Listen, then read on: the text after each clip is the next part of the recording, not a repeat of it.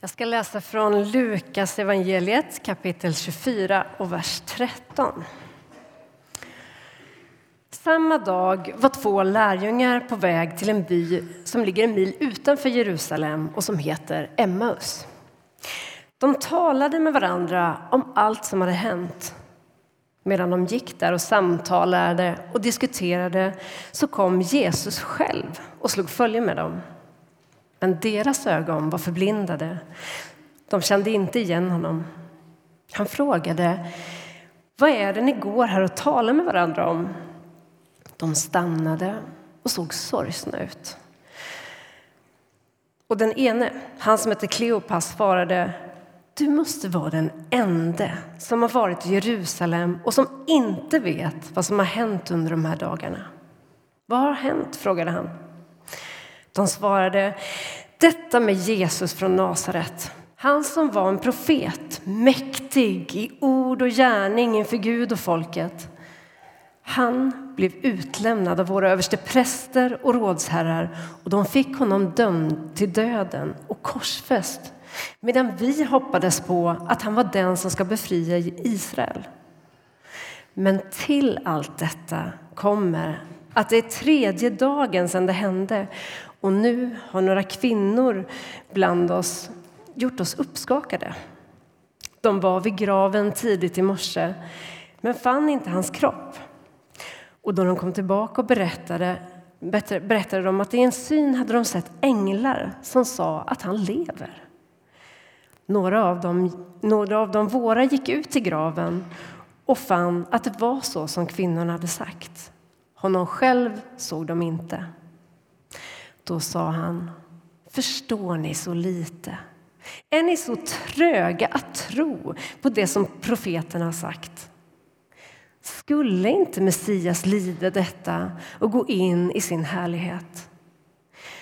Och med början hos Mose och alla profeter förklarade han för dem vad som står om honom överallt i skrifterna. De var nästan framme vid byn dit de skulle och han såg ut och ville gå vidare. Men de höll honom kvar och sa stanna hos oss. Det börjar bli kväll och dagen är snart slut. Då följde han med dem in och stannade hos dem. När han sedan låg till bords med dem tog han brödet. Han läste tackbönen, bröt det och gav åt dem. Och då öppnades deras ögon och de kände igen honom. Men han försvann ur deras åsyn och de sa till varandra brann inte våra hjärtan när han talade till oss på vägen och uttalade skrifterna för oss. De bröt genast upp och återvände till Jerusalem där de fann de elva och alla andra församlade. Och dessa sa, Herren har verkligen blivit uppväckt. Han har visat sig för Simon. Själva berättade de då vad som hade hänt på vägen och hur han hade gett sig till känna för dem genom att bryta brödet.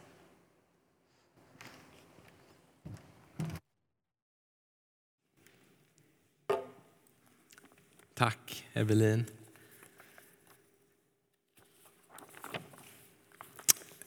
Jag heter alltså Anders Nilsson och är medlem här i Ryttargårdskyrkan. Nu är det nytt år har vi hört några gånger och det känns som vi har lagt julen bakom oss. Men enligt den kristna traditionen så befinner vi oss fortfarande i julhögtid. Och jag tänker predika om julens budskap igen. Om att Gud kommer till oss i Jesus Kristus.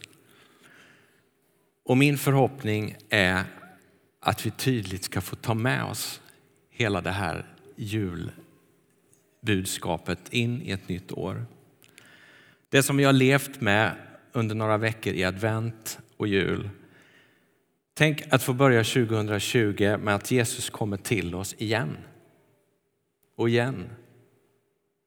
Och igen. Som ni hörde så har jag satt rubriken på den här predikan Ett nytt år med Jesus. Låt oss be. Gud, kom och slå följe med oss när vi funderar över ditt ord och våra erfarenheter. Heliga Ande, öppna våra inre ögon för ditt ord så att Jesus blir synlig och våra hjärtan blir brinnande. Låt ordet när tiden är inne få bära frukt i våra liv. Frukt som består. Amen.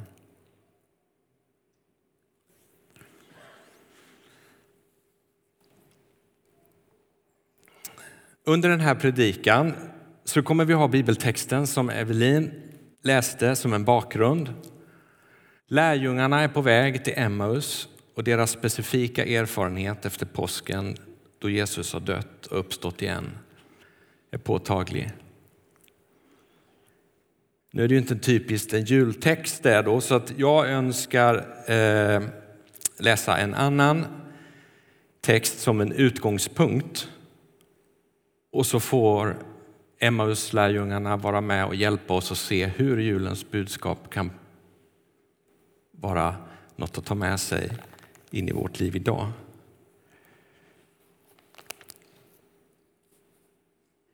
Jag tänker att vi läser från Sakarja kapitel 9, vers 9 och 10. Ropa ut din glädje, dotter Sion. Jubla, dotter Jerusalem. Se, din konung kommer till dig. Rättfärdig är han, seger är honom given. I ringhet kommer han, ridande på en åsna, på en ung åsnehingst.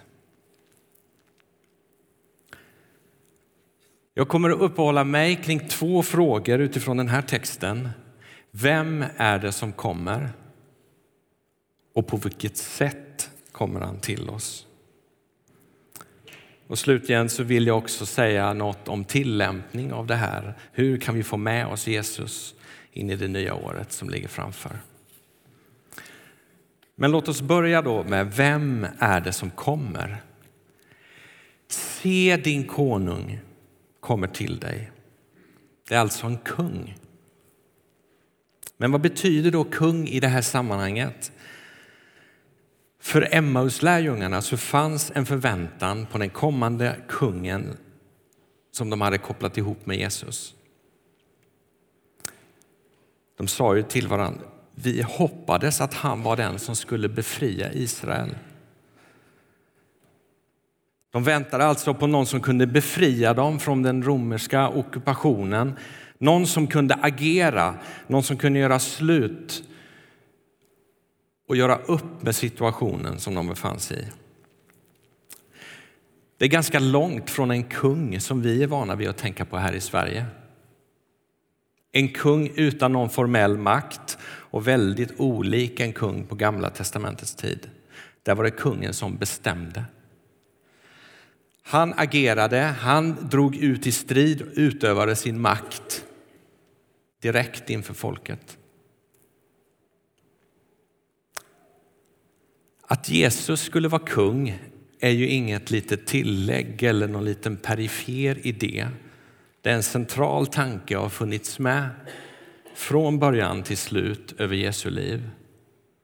Han föds och hyllas som kung av de vise männen och han dör med plakatet Judarnas konung. Ni kommer säkert ihåg dialogen med Pontius Pilatus. Du är alltså judarnas konung, säger Pontius Pilatus. Du själv säger det, säger Jesus. Och så leder det vidare in till ett samtal om makt. Vet du inte att jag har makt att frige dig och makt att korsfästa dig? Och Jesus svarar, du skulle inte ha någon makt över mig om du inte hade fått den från ovan. Kungen är den som har makten. Vi människor har minst sagt ett kluvet förhållande till makt.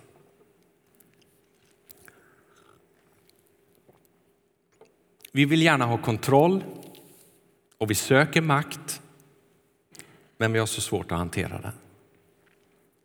Gång på gång så talar historien sitt tydliga språk. Så när vi ställs inför någon med makt så blir vi genast misstänksamma. Vi är vana vid att makt kommer med missbruk, utnyttjande, egen vinning, manipulation, rädslor och så vidare. Makt är så oerhört negativt laddat ord för oss. Skulle någon med makt kunna komma med glädje? Ropa ut din glädje.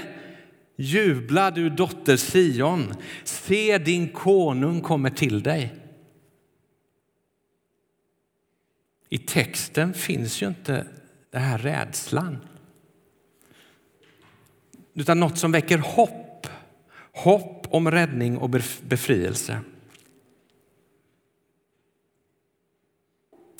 I en parallelltext i Jesaja så står det se din räddare kommer. Det finns ju en aspekt av makten som faktiskt öppnar för detta. Och det är handlingsutrymmet. Den som har makt, han kan göra något åt saken. Detta ger hopp hos den som väntar på förändring. Nu är det 2020 Inför ett nytt år gäller det nya tag.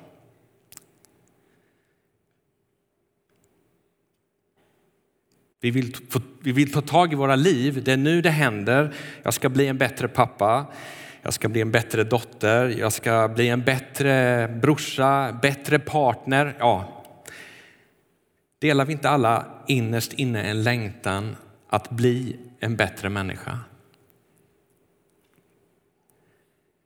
Men som Peter Halldorf har skrivit så bra, vad det blir av våra liv står inte i förhållande till vår förmåga att lyfta oss själva i håret utan till vilka makter vi allierar oss med.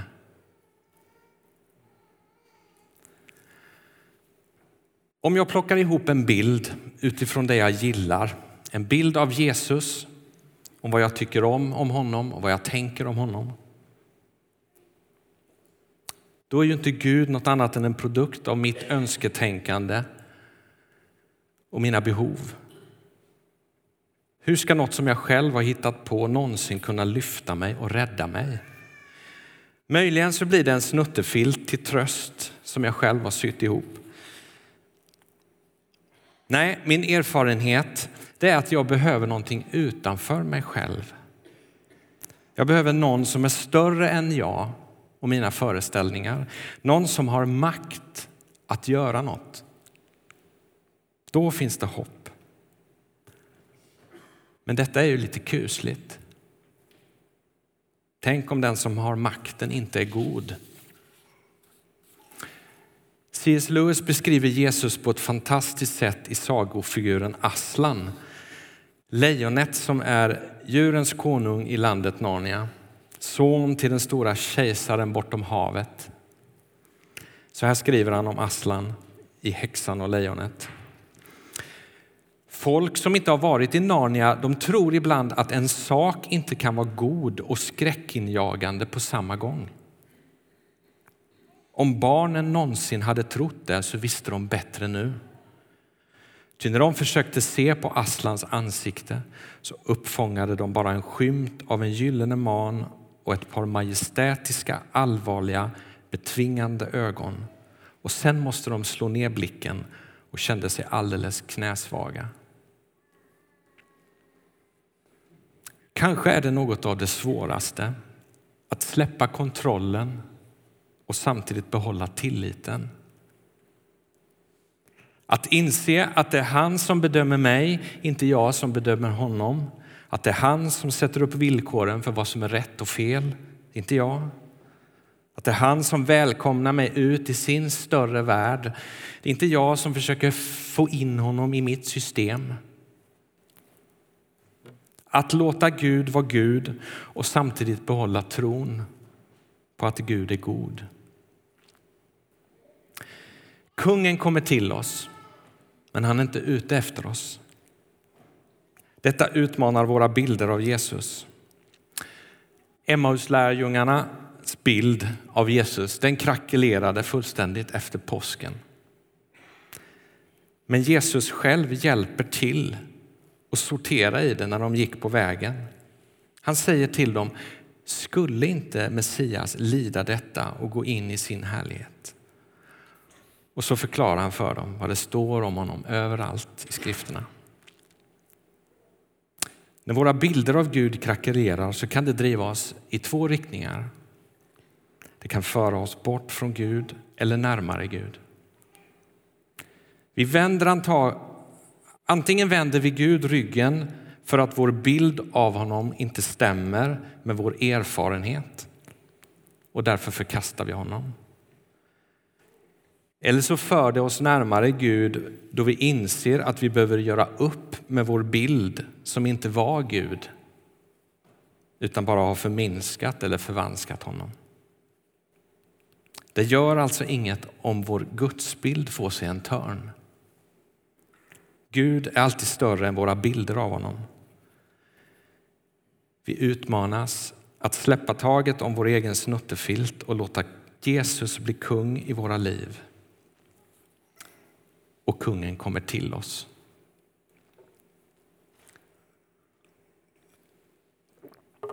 Men hur kommer han då? Vi tar den andra frågan. På vilket sätt kommer han till oss? Vi läser från Sakarja igen. I ringhet kommer han, ridande på en åsna, på en ung åsnehingst. Här störs bilden av Messias som någon som kommer för att strida för Israels befrielse från den romerska ockupationsmakten. I ringhet och på en åsna ger en tydlig kontrast till bilden av en rik kung på en häst som leder sitt folk ut i strid. Inte ens lärjungarna hade koll på vad det var som hände när Jesus rider in i Jerusalem på en åsna. De såg inte kopplingen.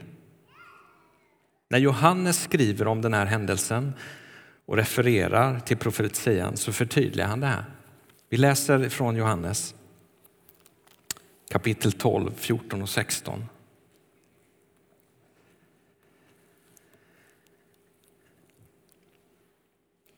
Jesus fick tag i en åsna och satte sig på den som det står skrivet. Frukta inte, dotter Sion, se din konung kommer ridande på ungåsna. Och sen den här lilla parentesen. Lärjungarna förstod först inte detta, men när Jesus hade förhärligats kom de ihåg som det står skrivet om honom, så hade man gjort med honom.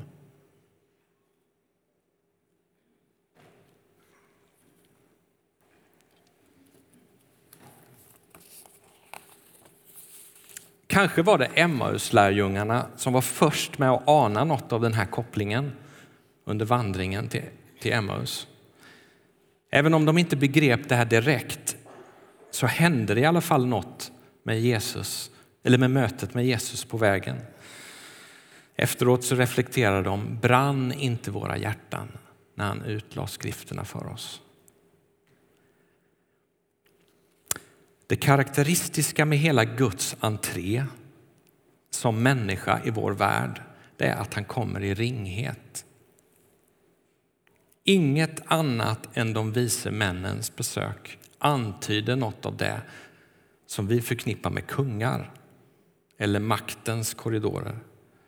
Det är fattigt, enkelt, allt annat än pompa och ståt.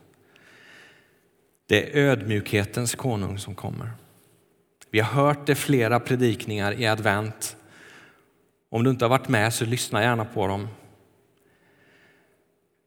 Paulus skriver att Jesus inte vakade över sin jämlikhet med Gud utan avstod från allt och antog en tjänares gestalt då han blev som en av oss.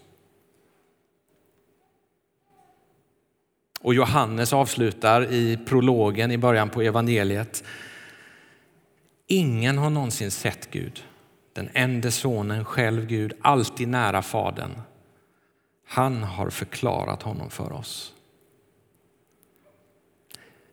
Det är alltså i berättelsen om Jesus som ödmjukheternas konung som vi får korrigera vår gudsbild gång på gång. Det här med att rida på en åsna kan ju låta exotiskt för oss. Det hör inte till det vanliga i våra liv idag. Vi kan ju lätt få för oss att vi hittar Gud i det exotiska och det extraordinära. Men det går inte att göra en sån poäng här. Det är precis tvärtom. Åsnan var det vanliga och vardagliga. Alla red åsna. Gud kommer till oss i det som är vårt vardagliga liv. Precis som han kommer till Emmauslärjungarna där de går och försöker smälta allt som har hänt och är helt förvirrade. Som så ofta när Gud kommer till människorna i Bibelns berättelser så frågar han dem. Vad är det ni går och talar med varandra om? Vad är det som har hänt? Jesus vill att vi ska berätta. Han möter oss i det liv som är vårt. Han vill hjälpa oss att sortera i våra erfarenheter, i det som vi har varit med om. Men hur ska vi känna igen Jesus då? Om vi nu lämnar över vårt liv i kungens händer så vill vi inte bli lurade eller bedragna.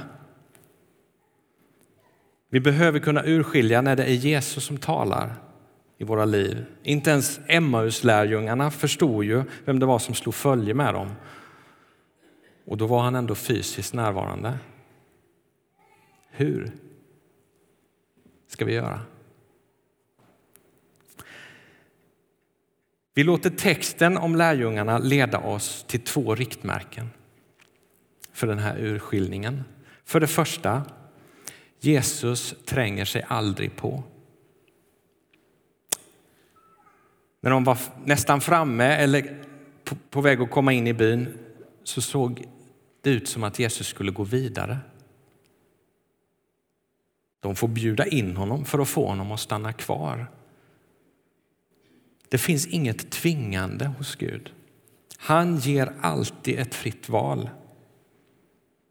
Någon har sagt att allt tvång kommer från djävulen. Och jag tror det. Men Paulus skriver ju att Kristi kärlek lämnar mig inget val. Låter inte det lite tvingande? Min erfarenhet är att Jesus lockar mig med en stor fiskänslighet. Han har älskat mig först och han vinner min kärlek. Och trots min egen kluvenhet så finner jag djupast i mig att jag inget vill annat än att bjuda in honom. Och då är det också min erfarenhet att hans kärlek tvingar, lämnar inget val. Men det här är allt annat än tvång. Jag tror det är viktigt att vi skiljer den här kärlekens drivkraft från de måsten och borden som i våra liv har en dålig eftersmak. Det är troligt att de inte har med Jesus att göra. Det andra vägmärket är Jesu mänsklighet.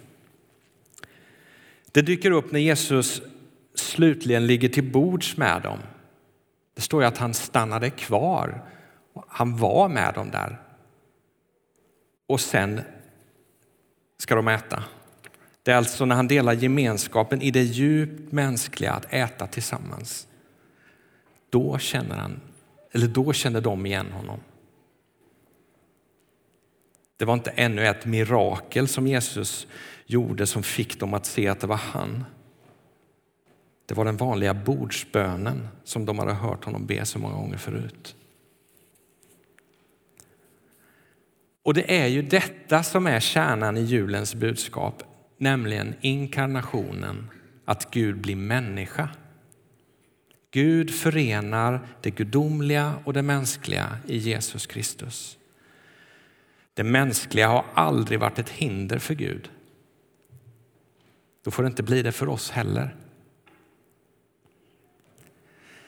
Risken är inte att det blir för mycket Gud i våra liv. Hur skulle det kunna bli det? När Gud är god. Risken är att det blir för lite människa. Det finns en uppenbar risk, i alla fall när man har med andlighet att göra, att det blir för lite människa. Jag har lyssnat på Sektpodden under julledighet. Jag vet inte om ni känner till det. En podcast om Knutbysekten som har varit väldigt intressant. Och man kan ju fråga sig hur kunde det gå så illa i den lilla församlingen? Men förutom alla de typiska sekteristiska dragen så har jag gjort en annan reflektion när jag hör deras berättelser. Det var för lite människa. Bara för att ni ska förstå. Då, ett, I ett avsnitt så pratar de om barnen, hur de behandlade barnen.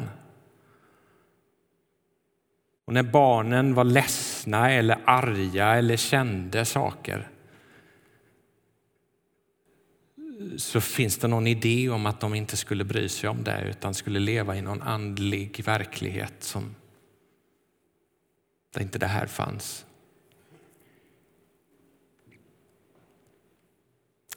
Det är när, den andliga, det är när andligheten frikopplas från vad det är att vara människa som det blir djävulskt. I Nya testamentet så kallas djävulen diabolos på grekiska, eller hur det nu uttalas. Det betyder den som kastar isär eller splittrar. Djävulen kan inte med att Jesus förenar det gudomliga och det mänskliga. Så än en gång, det mänskliga har aldrig varit ett hinder för Gud. Då får det inte bli det för oss heller. Om vi börjar misstänkliggöra våra mänskliga begränsningar eller behov som ett hinder från att följa Jesus, då är vi farligt ute.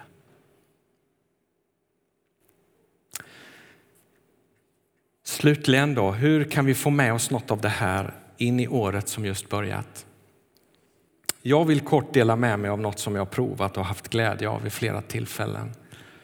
En form av bön där jag tillsammans med Jesus reflekterar över dagen som har varit. Jag har i det här erfarit lite av det som liknar Emmaus lärjungarnas erfarenhet. På kvällen efter att de hade förstått vem det var så säger de till varandra, brann inte våra hjärtan när han talade till oss? I efterhand kunde de se hur Jesus kom till dem. På samma sätt har jag kikat tillbaka på min dag och kan tydligt se att Gud har varit med mig och kommit till mig på olika sätt. Så ett mycket enkelt sätt att genomföra en sån här bön är att dela upp den i några enkla steg. Jag tänkte jag skulle bara dela med mig av det. Jag börjar att be den helige Ande att, lys att lysa upp min dag så att jag får hjälp att se klart när jag kikar tillbaks. Och sen går jag igenom min dag och minns det som har varit, människor som jag mött och platser som jag varit på. Berätta för Jesus vad det är jag upplevt. Och jag tackar Gud för det som har berört mig. Jag kanske fick säga något uppmuntrande ord till någon och få se hur Gud ledde mig till det. Eller själv blev uppmuntrad av något. Ett möte med en medmänniska eller kanske i Guds skapelse. Sen ber jag om Guds nåd över det som inte har blivit bra. Jag ber om hjälp att lämna det som jag känner för mig bort från Gud. Och slutligen då så lägger jag hela dagen bakom mig och överlämnar mig själv inför natten. Det var bara ett litet tips, kanske kan det hjälpa dig. Som, låt mig då få sluta med en sammanfattning. Vår konung kommer till oss i ödmjukhet med stor respekt och integritet.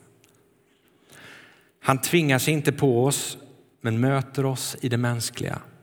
I våra erfarenheter kan vi förnimma honom och se att han går vid vår sida. Om vi tar emot honom och släpper kontrollen och låter honom få vara Gud, då lyfter han oss. Han befriar oss från vår instängdhet i oss själva och han gör oss delaktiga i sina intressen för världen. Låt oss be.